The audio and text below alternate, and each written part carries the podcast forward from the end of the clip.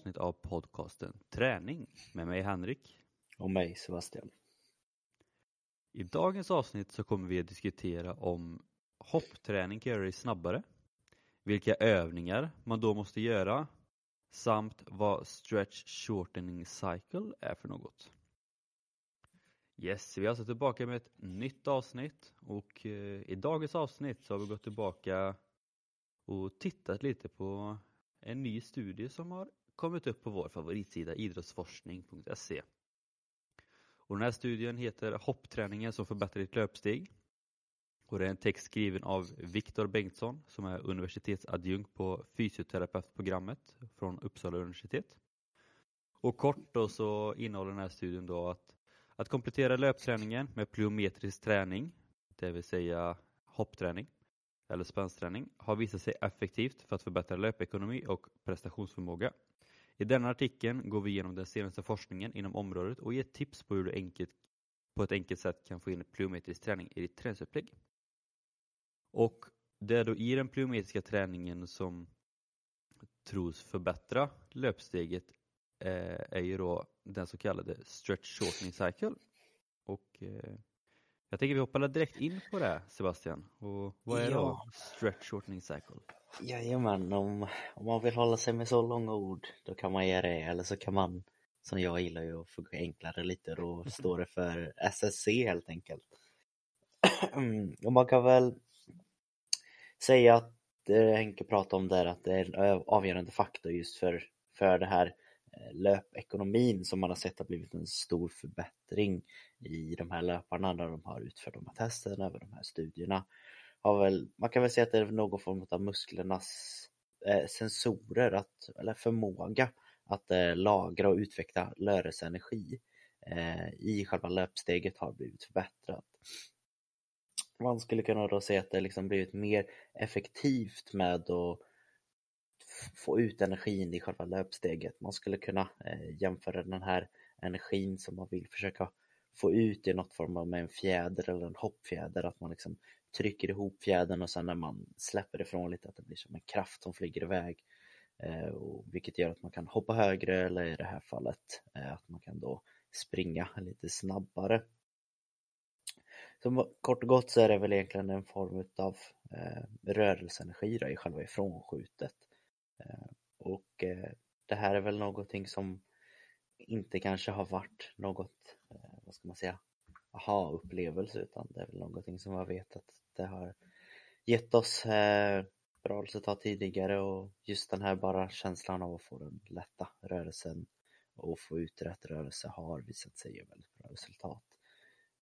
Så utnyttja den här SSC'n med olika övningar, ett väldigt bra exempel på hur man skulle kunna tänka där. Det är egentligen ett helt vanligt eh, hopp egentligen, eller boxjump om man tänker att man ska ställa sig eh, framför en box sen hoppa upp på den till exempel är en sån övning som skulle kunna ge en förbättrad SSC helt enkelt.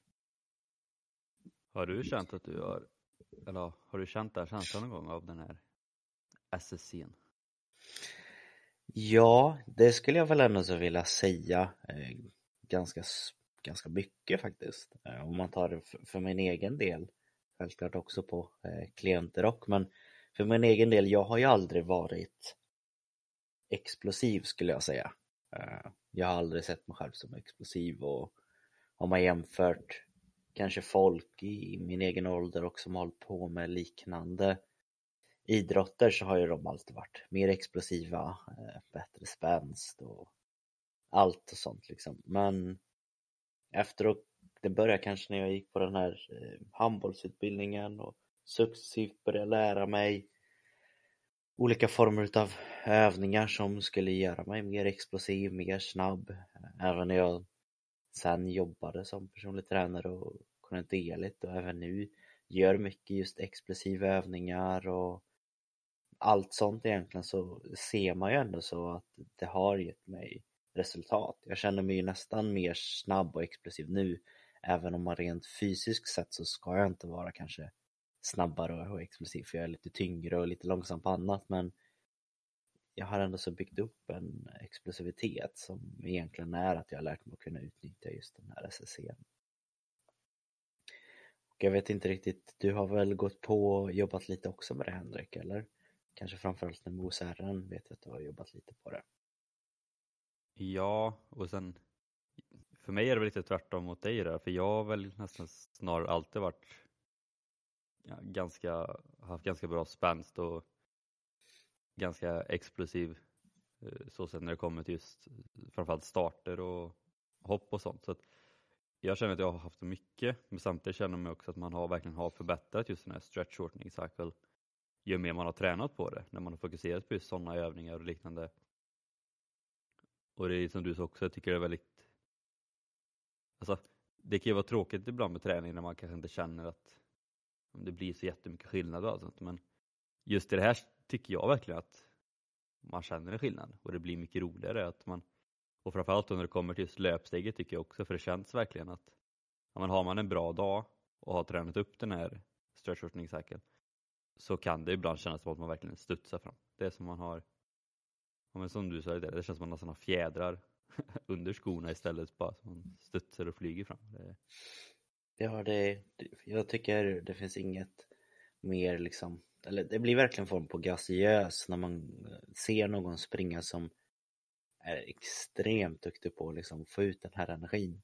Det är verkligen som att de flyger fram, att de ser ut att väga ingenting. Alltså, tvärtom, de ser ut att verkligen så här sväva en bit ovanför marken och sen helt plötsligt så har de redan tagit sig förbi sin motståndare eller det ser inte ut som de gör av med någon energi när de springer till exempel på handbollsplan eller springer ute. Det, det är otroligt att se folk som är duktiga på det.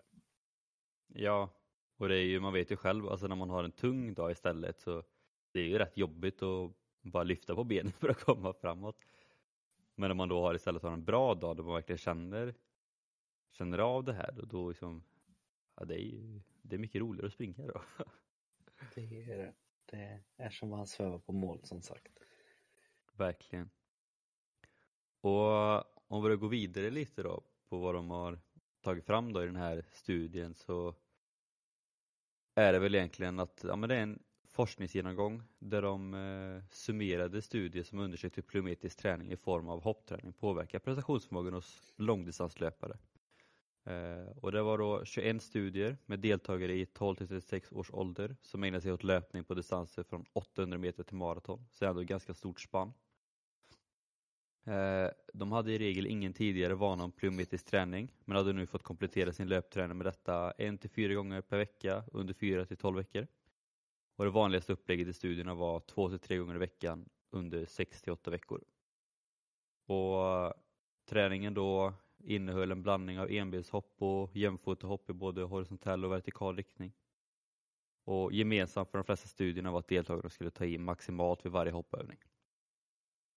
Och sammanställningen då av forskningen visar att tillägget av plyometrisk träning resulterade i en signifikant förbättring av prestationsförmågan vid löpning på distanser mellan 2 och 5 kilometer Studierna konstaterar att den plyometriska träningen förbättrade deltagarnas löpekonomi, vilket sannolikt är förklaringen bakom deras förbättrade prestation. Och det är ju då liksom att ja, de deltagare som har utfört plyometrisk träning förbättrar sin spänst och sprintförmåga samt förmåga till snabb kraftutveckling. Eh, det vill säga egenskaper som har en tydlig koppling till, precis det Sebastian pratade om, en effektiv stretch shortening cycle. Ja, och det är väl det som är det väldigt intressanta här. Att jag gillar ju alltid de här, när det blir de här sammanställningarna eh, och det är väl lite det man vill just med forskning och att det ska forskas om en sak och det ska göras på lite olika sätt och desto mer olika eh, syner man har på det så kan ju de här sammanställningarna ge en först då tänker jag en lite mer eh, bättre koll på att ja men det här kanske har någon hunds utav eh, liksom att det, det är äkta, att man kan tro på det. Eh, så det är ju väldigt häftigt att se att de här hoppen för de här gjorde väldigt mycket. Men något jag tycker är väldigt intressant är väl som sagt den här att de ändå så landar någonstans mellan 2 kilometer till eh, 5 kilometer. Att det är där man har sett eh, kanske en tydligare förbättring. Ja, det står ju, för det står ju en signifikant förbättring av prestationsförmågan vid löpning på distansen mellan 2 och 5. sen står det ju inte det kan fortfarande vara en förbättring över det också, men det är så att det är en signifikant förbättring mellan dem. Ja. och det är väl någonting som är också väldigt intressant om man faktiskt eh, läser vidare den här just att vad, vad det innebär just med eh, den här sortens träning i praktiken att även om man har sett de här tydliga liksom som vi sa ändå så rätt så signifikanta förbättringarna då är det ändå så eh, utav långdistanslöpare så är det bara en tredjedel av de som tävlar i det som håller på med just eh, den här formen av träningen och bara läsa de första orden egentligen så redan då reagerar jag lite att jaha eh, vad kan vara liksom bakgrunden till varför det är bara en tredjedel som håller på med detta.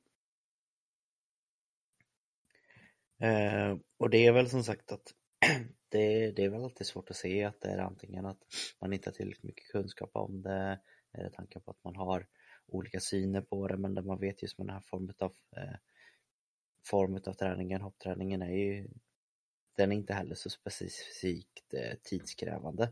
Man skulle ju faktiskt kunna utföra den i samband med löpträning eh, genom att successivt eh, addera liksom olika former av hoppövningar Eh, och då skulle man då göra det här i en lagom takt helt enkelt eh, och inte göra det för stort utan man vet att hopp är väldigt påfrestande just på kroppen och leder och liknande.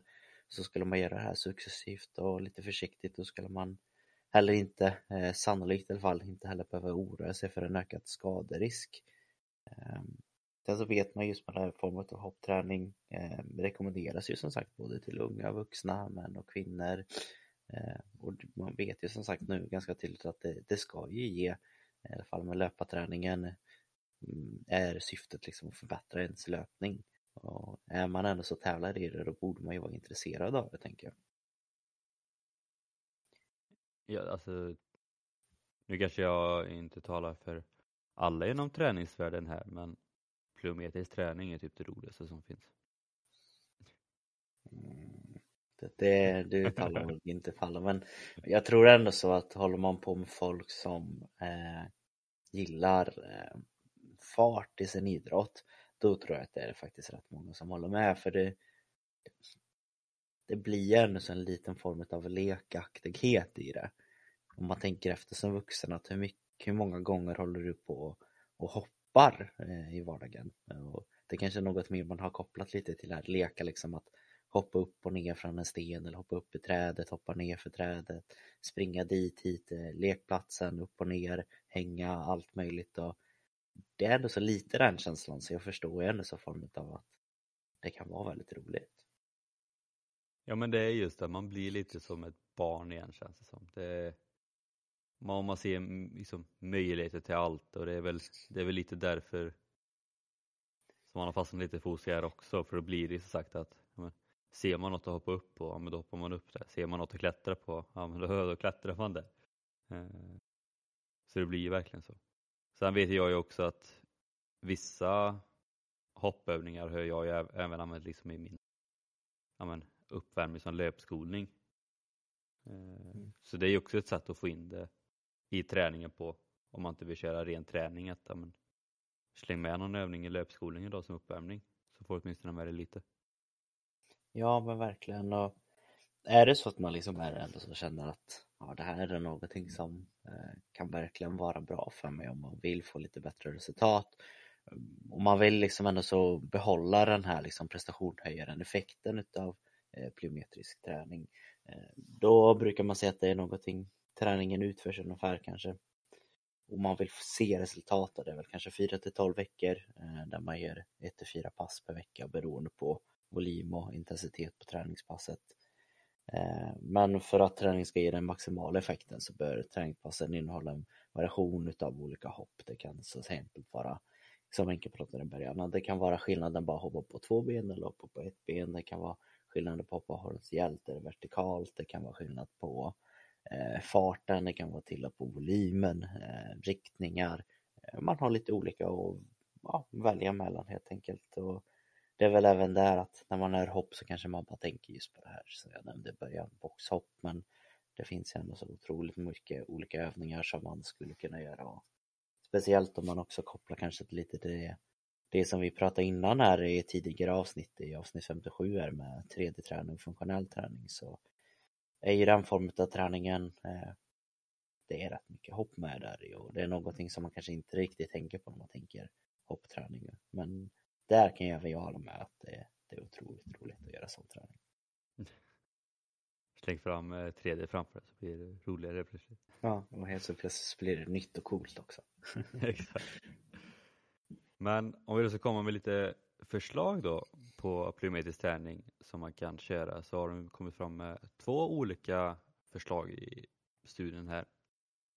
Där förslag ett är ju då just olika hoppövningar.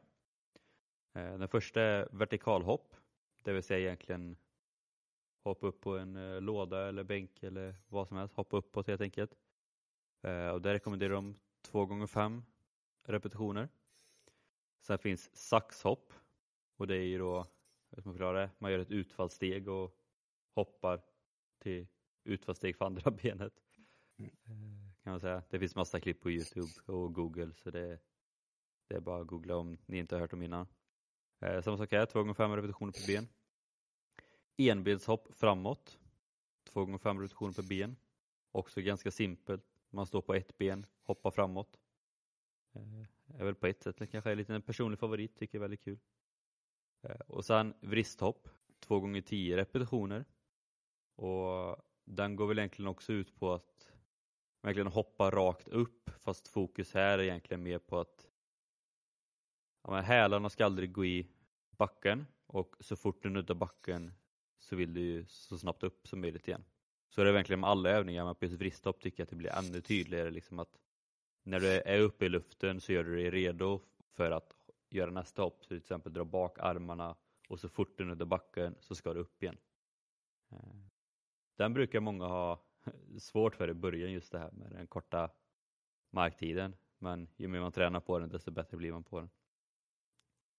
Och sen ja, rekommenderar de den nu alltså, lite, men den är väl också väldigt tydligt exempel just på den här fjädereffekten, att det är liksom upp och som sagt så fort den har kommit ner och man lättar på trycket då är det så flyger man upp igen. Ja men verkligen, alltså den är, tar man till exempel vertikalhopp då som också är att man hoppar uppåt men där är det mer att där utvinner du mer kraft för att hoppa så högt upp som möjligt för att sedan landa på någonting. Medan vristhopp är ju precis som Sebastian säger för att få till den här fjädereffekten eller gummibandseffekten liksom så att du trycker från uppåt och sen det är nästan så att du vill vara så länge som möjligt i luften för att kunna göra dig redo och så fort du nuddar backen så är det, ja, det, är, det är som en floor is lava liksom, man vill inte vara på backen och så snabbt upp igen. Mm. Um, jag rekommenderar dem vila 1-2 minuter mellan sätten respektive övningarna och utför hoppen med intentionen att hoppa så högt respektive så långt som möjligt. Eh, vid vristhoppen försöker du även att minimera markkontakttiden. Så det är som sagt att när man kör hoppövningar så ska man trycka på men, så mycket man egentligen bara kan. Man ska hoppa så högt som möjligt, man ska hoppa så långt som möjligt eh, för att just invinna, utvinna så mycket kraft som möjligt. Det är det man vill med plyometrisk träning och explosivt träning. Man vill utvinna så mycket kraft som möjligt på så kort tid som möjligt. Och Det är också därför de rekommenderar 1-2 minuter vila mellan sätten respektive övningarna just för att när man då kör maximalt så utvinner det väldigt mycket kraft vilket också innebär att man behöver mycket vila, dels för att kunna fortsätta utvinna så mycket kraft som möjligt men även för att minimera skaderisken. Och det är ju det som jag tror att många har svårt för när det kommer till just sån här träning för att det känns ju inte så farligt och det känns inte som det är så stor skaderisk men och det ser man väldigt ofta när folk kör sån här träning. Man, när man själv kör det också så vill man egentligen bara fortsätta köra på för att ja, jag, jag som sagt tycker att det är kul men många liksom känner att ja, men det går bra, man kör på, man blir inte direkt jättetrött av det där och då. Men som sagt, det tar mer på kroppen än vad man tror. Så därför krävs också mycket vila. Så ta vara på vilan också och fuska inte med den. Nej, det, vi har pratat om det någon gång tidigare och det är ju som sagt för att det blir x antal din egen kroppsvikt varje gång du landar liksom. Det, det är inte bara kroppsvikten utan tänk att du skulle hoppa med tre stycken till nästan av dig själv liksom hållandes på ryggen eller springa eller gå, det, det är ganska tungt. Det, det är fruktansvärt tungt. Det är fruktansvärt. Det är inte många av oss som gör det faktiskt. Eh, förslag två då? Ja, här skulle då Sebastian gå in på förslag två. Men med lite strul i inspelningen så kommer jag då in här efteråt och eh, ta vid exakt det Sebastian sa. Förslag två, hoppa hopprep. Utför 30-30 intervaller under 5 minuter där du hoppar hopprep alternativt utför vristhopp. Du ska alltså hoppa under 30 sekunder och därefter vila 30 sekunder i totalt 5 minuter. Försök hoppa så högt som möjligt samtidigt som försöker ha minimal markkontakttid. De första veckorna kan du hoppa jämfota för att sedan gå över till alternerade enbenshopp. Det vill säga hopp från det ena benet till det andra. Så att man eh, varierar sig lite. Och därmed hoppar vi tillbaka till den inspelade varianten av podden. Men det är väl lite det som man alltid vet utav forskning och eh, allting att är det inte kanske bevisat med flera olika studier då kan man ju aldrig säkert egentligen eh, veta 100% där och även det vi kanske kallar 100% idag det kommer folk att sitta och skratta åt om tio år här ändå att hur kunde de tänka att den här sortsen träning var bra för hopp när man bara kunde göra så här eh, och det är väl det som är det både intressant och det som håller oss på alerten här med träningsvärlden att det kan alltid vara bra att hänga med som sagt. Ja, och man märker ju också nu för tiden liksom hur många olika sätt det finns att träna på och det är väldigt mycket från person till person. Att förr kanske det var mer tydligt att men det är det här som gäller liksom. Medan nu finns det väldigt många olika sätt att träna på. Det är ju, vi har ju nämnt det många gånger nu, men det är samma sak på Nils van der Poel som tog sin egna väg och ja, tog hela träningsvärlden med, med storm liksom. Så att det är bara så det kommer fortsätta. Och precis som Sebastian sa att det som vi pratar om och lyfter idag som kanske är den mer optimala träningen kommer troligtvis inte vara den optimala om några år. Eller några år kanske det är, men om många, många år. Ja, om många år där. Men där fick vi gå tillbaka till det här konceptet och följa med lite i idrottsforskningsvärlden. Det är väl som alltid att vi tackar väl hemsidan och alltid rekommenderar. Är det så att du tycker att det här låter intressant och du vill veta mer om de ämnena vi pratar om när vi just där uppifrån idrottsforskning.se då kan man ju alltid gå in på hemsidan där och leta upp artikeln i frågan. Eh, och så får man upp massor med saker. Ett exempel är att man kan få upp eh, en, ja inte en hel sida, men nästan en hel sida med referenser där bara så man kan gå in och läsa på lite ännu mer och hitta kanske deras eh, forsknings vad de har skrivit i sina artiklar eller vad de skrev i sin forskning eller sina studier och så kan man få ytterligare information helt enkelt. Ja, och det finns ju artiklar och studier om allt från träningstips till idrottsskador, ledarskap, eh, hälsa, idrott, samhälle och lite annat gott och blandat. Och de som skriver här är ju liksom, det är ju, det är ju forskare från eh, universitet och liknande. Och som, som Sebastian sa så finns det mycket referenser som har ju liksom letat upp mycket och tagit. Så att det är ju en riktigt bra sida och är ni intresserade av forskning och oavsett vad det är inom träning och hälsa så är det ju verkligen idrottsforskning.se som, som gäller i första hand. Jajamän. Så vi tackar dem ännu en gång. Eh, inget betalt samarbete. Nej, det kan vi bara säga. Det är, det är inget betalt samarbete. Det är bara uppskattning. Jajamän. Men annars tänker jag Henke att eh, med de orden då så tackar vi väl just er som lyssnar idag. Tack så mycket. Eh, och som vanligt så finns vi ju där poddar finns. Så passa på tipsa nu kanske då eh, den här kollegan eller vem det är som har börjat springa och undrar hur den kan springa två och en halvan lite snabbare. Då kan du säga att det finns ett avsnitt här eh, med väldigt bra ny forskning, lite enkelt sammanfattat som de kan gå in och lyssna på och då förbättra sin löptid. Eller så kan de ju också gå in på våran Instagram, ett Traning Podcast, där vi lägger upp lite smått och gott eh, både kring olika former av träningstips men även olika frågor och just nu så fortsätter det ju komma ut faktiskt lite övningar med 3D-träningen från mig så det ska även komma upp en idag här i tanken. Så får väl se om det kanske kan komma upp något, eh, några plyometriska övningar där också. Jajamän, det har Henke sagt här att han vill ta på sig. Okej då. Ja, perfekt. Eh, men som sagt, vi tackar för det och vi önskar er som lyssnar en fortsatt trevlig och bra dag och vi hörs nästa vecka helt enkelt. Det gör vi. Ha det gott.